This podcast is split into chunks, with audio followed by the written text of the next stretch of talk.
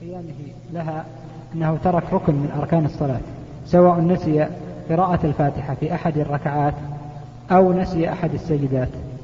فما موقف المأموم الآن؟ هل يجب عليه متابعته؟ أو بعد أن يسلم الإمام من الخامسة يكمل المأموم ركعة خامسة بدل هذه الركعة أقول بارك الله فيك تمثيلك لترك الركن بترك السجود أو الركوع هذا ما لا يستقيم. لأنه إذا تركه سوف ينبه سوف ينبه لكن الذي يرد هو أن الإنسان الإمام ربما ينسى قراءة الفاتحة ثم يأتي بركعة بعد تمام الركعات الأربع بدلا عن عن الركعة التي تركها لأن الإنسان إذا ترك الفاتحة من أول من في الركعة الأولى صارت الركعة الثانية في حقه هي إيش؟ هي الأولى والثالثة هي الثانية والرابعة هي الثالثة يحتاج أن يأتي بالرابعة.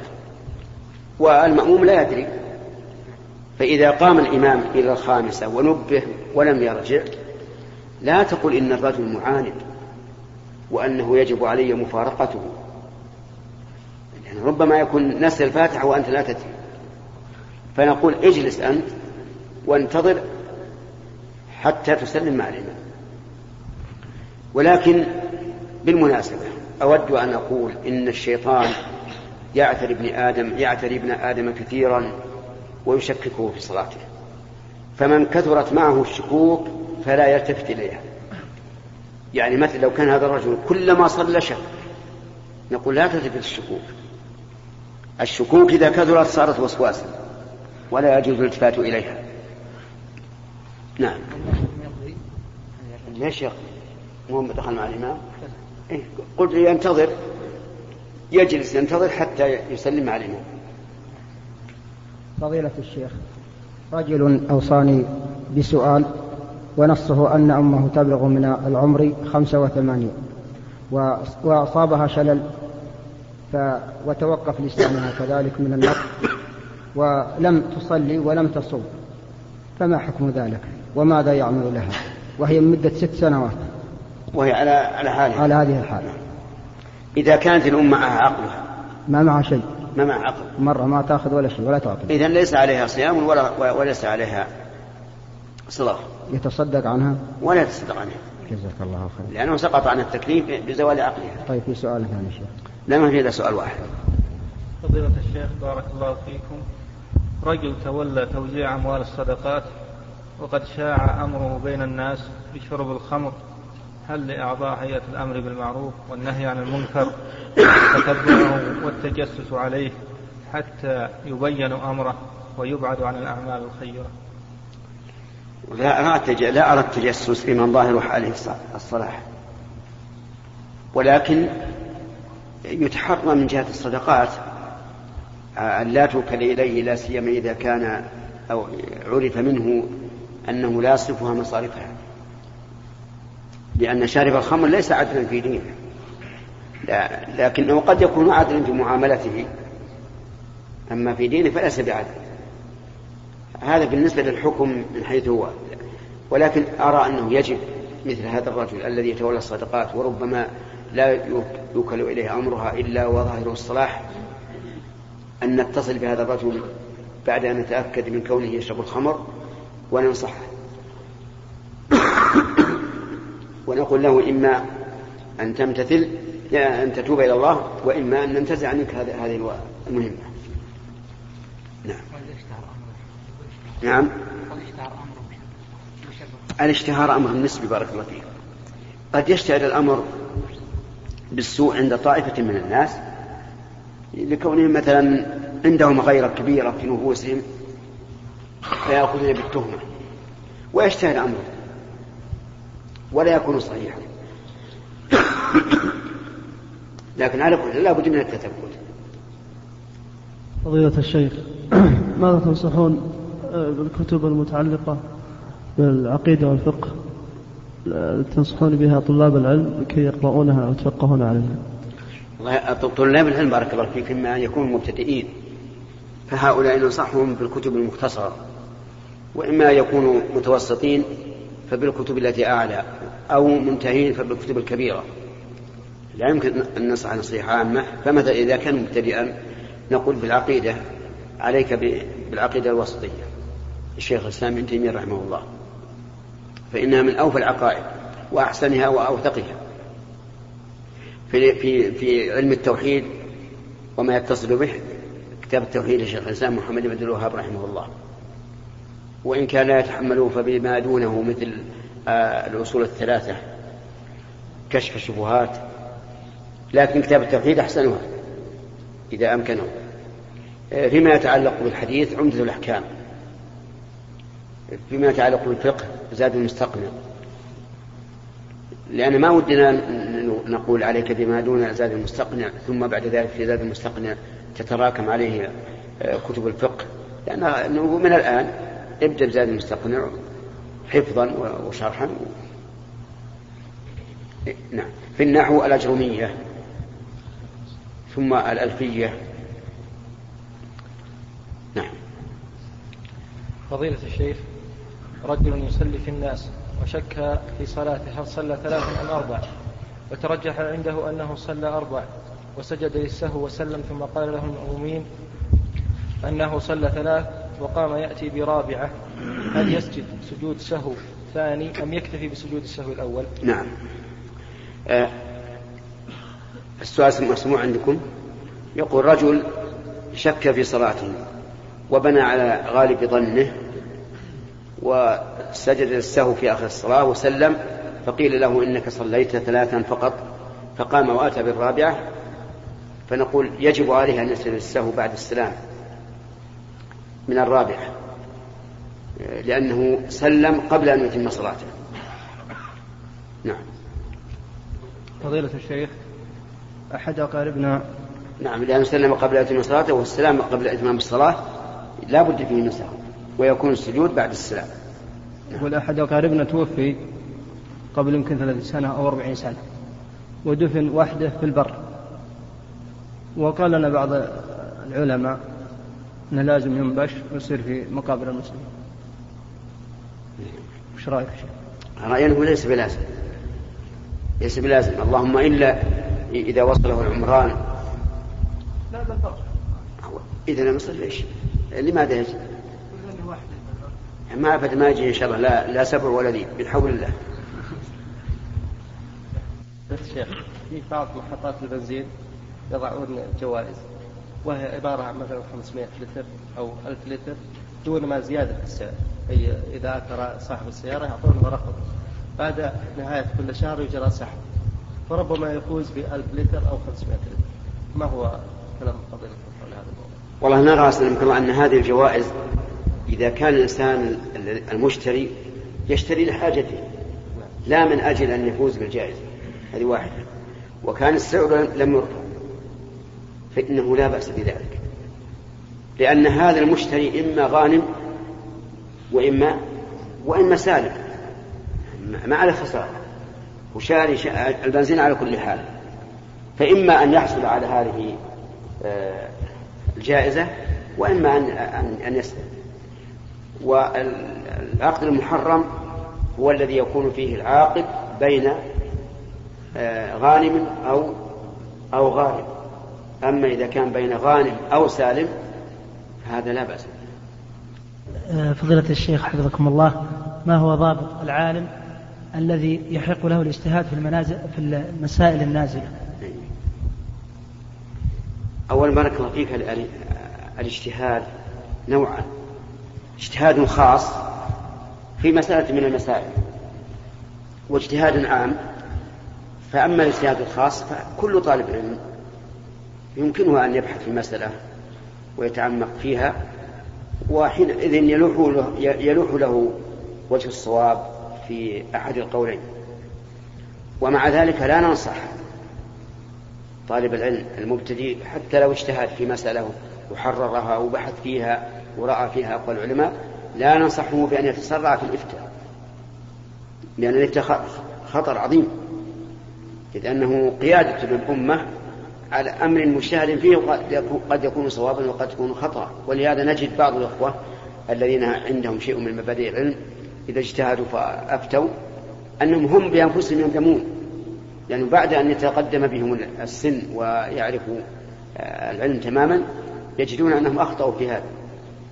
ولذلك فمن أخطر ما يكون على طالب العلم التعجل في الفتوى. وما دام الأمر الحمد لله واسعا وهناك من هو أكبر منك وأكثر أكبر منك سنا وقدرا في العلم وأكثر منك وأغزر فالأمر موكول إليه أما أنت انتظر انتظر الأمر إن شاء الله ماشي إليك.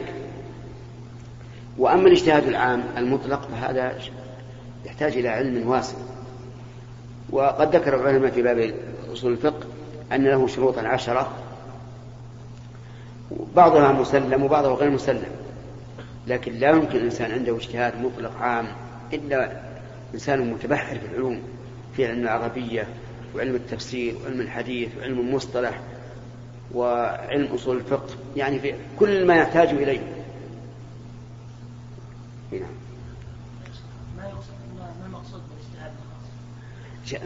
مثلا أفرض إنك تريد أن تبحث هل الجد حكم حكم الأب؟ فيسقط الإخوة أو لا؟ هذا محل خلاف بين العلماء. خلاف مشهور إنسان مثلا راح يجتهد في هذا يطالع كتب العلماء ومناقشاتهم الأدلة لهؤلاء وهؤلاء فلاح له بعد البحث والمناقشة أن الصواب أن الجد حكم حكم الأب يسقط الإخوة. نعم؟ هذا له أن أن أن يفعل. لكن كما قلت لك قبل ذلك إذا كان صغيرا يعني تو بادي يطلب العلم فلا يقدم على الفتوى. إذا بان له مثلا أن الصواب في كذا فليسأل العالم الآخر اللي أكبر منه قبل ويستشيره. هنا. ما بسم الله الرحمن الرحيم. السلام عليكم ورحمة الله وبركاته. ما حكم ركعتي تحية المسجد مع ذكر الدليل؟ وما هو دليل المخالف الرد عليه؟ وهل يلزم القائلين بوجوب ركعتي تحية المسجد عند دخولهم المسجد في وقت النهي؟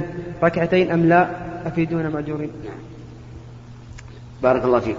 آه، أولا السلام عند إلقاء السؤال ليس من السنة. ونبهنا على هذا كثيرا. ها؟ إلا ما حضرت؟ آه، ليش؟ لأن الصحابة كانوا مع الرسول عليه الصلاة والسلام يجلسون ولا يسلمون إذا أرادوا السؤال.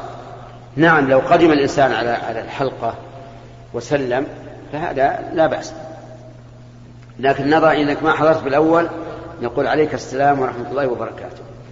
أما تحية المسجد فالقول بوجوبها قول قوي. القول بأنه واجب وأن الإنسان إذا دخل المسجد فلا يجلس حتى يصلي ركعتين وجوبا. هذا قول قوي لا شك فيه. ومن ذهب إليه فلا ينكر عليه. دليل هذا أن النبي صلى الله عليه وسلم قال إذا دخل أحدكم المسجد فلا يجلس حتى يصلي ركعتين.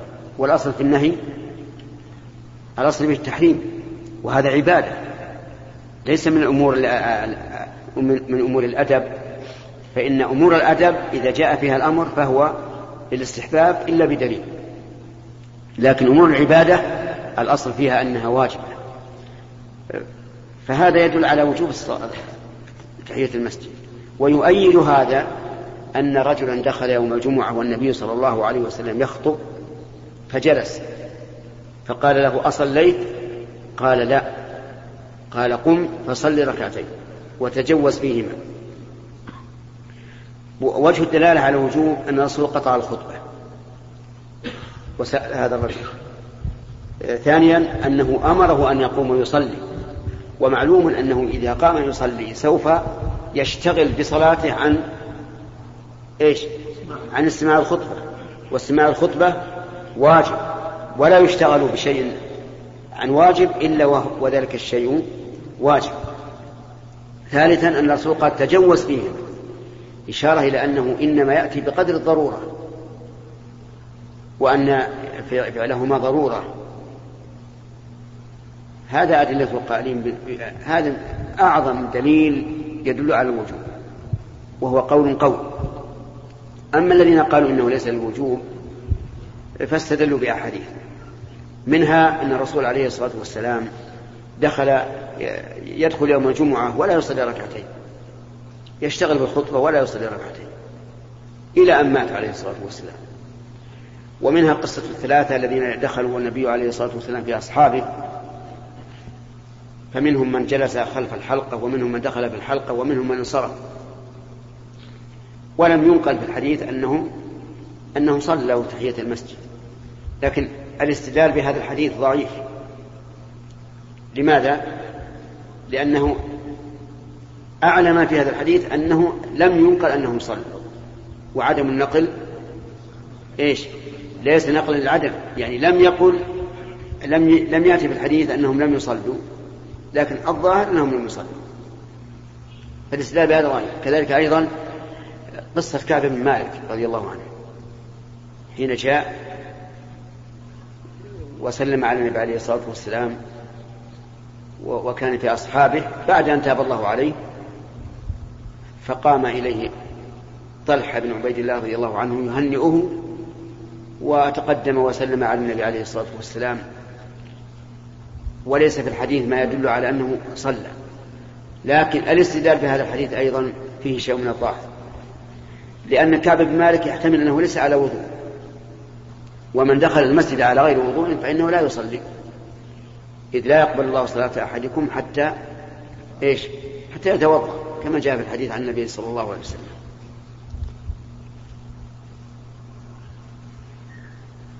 ولكني أنا كنت أقول بوجوب زكاة بوجوب تحية المسجد.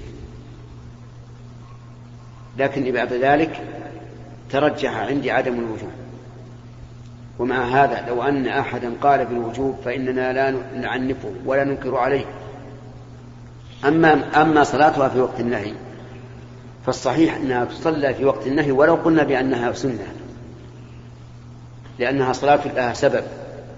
وكل صلاة لها سبب فإنها تفعل حتى في وقت النهي وعلى هذا فإذا دخلت المسجد بعد صلاة بعد صلاتك صلاة العصر فلا تجلس حتى تصلي ركعتين. أو بعد صلاتك صلاة الفجر فلا تجلس حتى تصلي ركعتين. سواء دخلت لقراءة القرآن أو لاستماع آه، علم أو لغير ذلك. لا تجلس حتى تصلي ركعتين. أو إيه ولو بعد الغروب ولو قبل الغروب بخمس دقائق. أسرة من الرياض ذهبوا إلى مكة وكان رب الأسرة يريد الحج متمتعا. فلما اعتمروا آه، وانتهى عمرته وحل جميعا ذهب بهم إلى الجنوب وبعد ذلك عاد إلى مكة. فهل يجب عليه أن أن يحرم إذا مر بالميقات؟ هذه واحدة والأمر الثاني ولو سافر من دون الميقات هل عليه أيضا أن يحرم يعني ما هو متمتع وهم غير متمتعين؟ لا هم فقط اعتمروا حفظك الله. السؤال هل أهله الذين معه يريدون الحج ولا لا؟ لا لا فقط عمرة. وهو كذلك أيضا. لا هو يريد الحج والعمرة. يعني وجه له الجنوب ورجع. أتوا من الرياض جميعا. طيب. وبعد أن اعتمروا نعم. ذهب بهم إلى الجنوب. طيب. وهو عاد ليكمل حجة وهم في الجنوب. وهم في الجنوب بقوا. طيب. هو يسأل. الكلام الكلام هو يسأل هو هل يجب عليه أن على كل حال الآن فهمنا هذا الرجل آه، قدم من الرياض بأهله واعتمروا ثم ذهب بأهله إلى آه، الجنوب. ولعل الجنوب هو مقرهم. ثم رجع هو محرم بالحج وكان حين اعتماره يريد الحج. فهذا متمتع. إذا رجع فإن كان في وقت الحج فلا بد أن يحرم لا بد أن يحرم إذا كان في غير وقت الحج يعني مثل الباقي على الحج أيام فإنه يحرم بعمرة يحرم بعمرة ثانية لئلا يتجاوز الميقات بلا إحرام. فضيلة الشيخ يوجد هناك مقصف مدرسي ويكون فيه مساهمين من الطلبة والمدرسة إلا أن الأرباح تصل إلى في الريال تقريبا إلى خمسة ريال لكن يجبر المسؤول عن المقصد بشراء بعض مستلزمات المدرسة من أوراق تصوير وما أشبه ذلك. والأرباح لا تقسم بالتساوي بين الطلبة والمدرسة. يعطي الطالب في الريال ريالين والبقية للمدرسة. ما الحكم في ذلك ومن يعني خلاصة السؤال الآن يقول المقصد المدرسة آه، يقسم الربح فيه آه، بين الطلاب الذين ساهموا وبين مصالح المدرسة. طيب. إذا كان هذا برضا من الطلاب فلا بأس. إذا كانوا بالغين عاقلين. إذا كانوا دون البلوغ فالمرجع إلى أوليائه. فإذا قال الأولياء يكفينا بعض الربح والباقي لمصلحة المدرسة فلا بأس.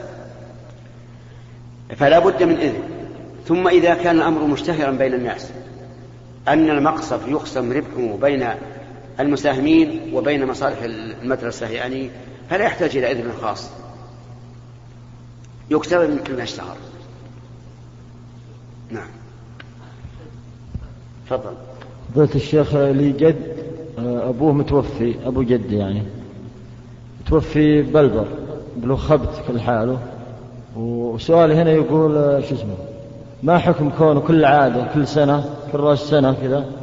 مثلا كل ما يحول الحول يطلع يعزم العائلة يطلع له يذبح هناك. ويسوي وليمة هناك. عند القبر. نعم لكن ما قصده يعني إنه مثل للميت. هذا منكر. هذا منكر. ولو كان برا مقبرة. ولو كان برا المقبرة. الرسول عليه الصلاة والسلام يقول لا تتخذوا قبري عيدا. وهذا اتخذ قبر أبيه عيدا. يعني محرم واصلا انه الذبح عنده الذبح عنده وكون يعتاد كل سنة. كل سنة. هذا حرام عليه بلغهم يا أخي عنا أن, أن هذا حرام. وأنه لا يجوز. ولو ذهبنا بعيدا لقلنا إن العلماء يقولون إن الميت إذا فعل المنكر عن عنده تأدى به. لكن هذا يحتاج إلى دليل وليس عندي, دليل الآن. إنما أصل العمل منكر. فيجب عليهم أن يكفوا عن هذا العمل. وأن يستغفروا الله مما جرى. نعم. فضيلة الشيخ الولد متى يكون محرم لأمه؟ هل هو بالبلوغ أو بالتمييز. المحرم بارك الله فيك يكون محرما إذا كان بالغا عاقلا. فمن لم يبلغ فليس بمحرم. ومن كان في عقله خلل فليس بمحرم. بعده.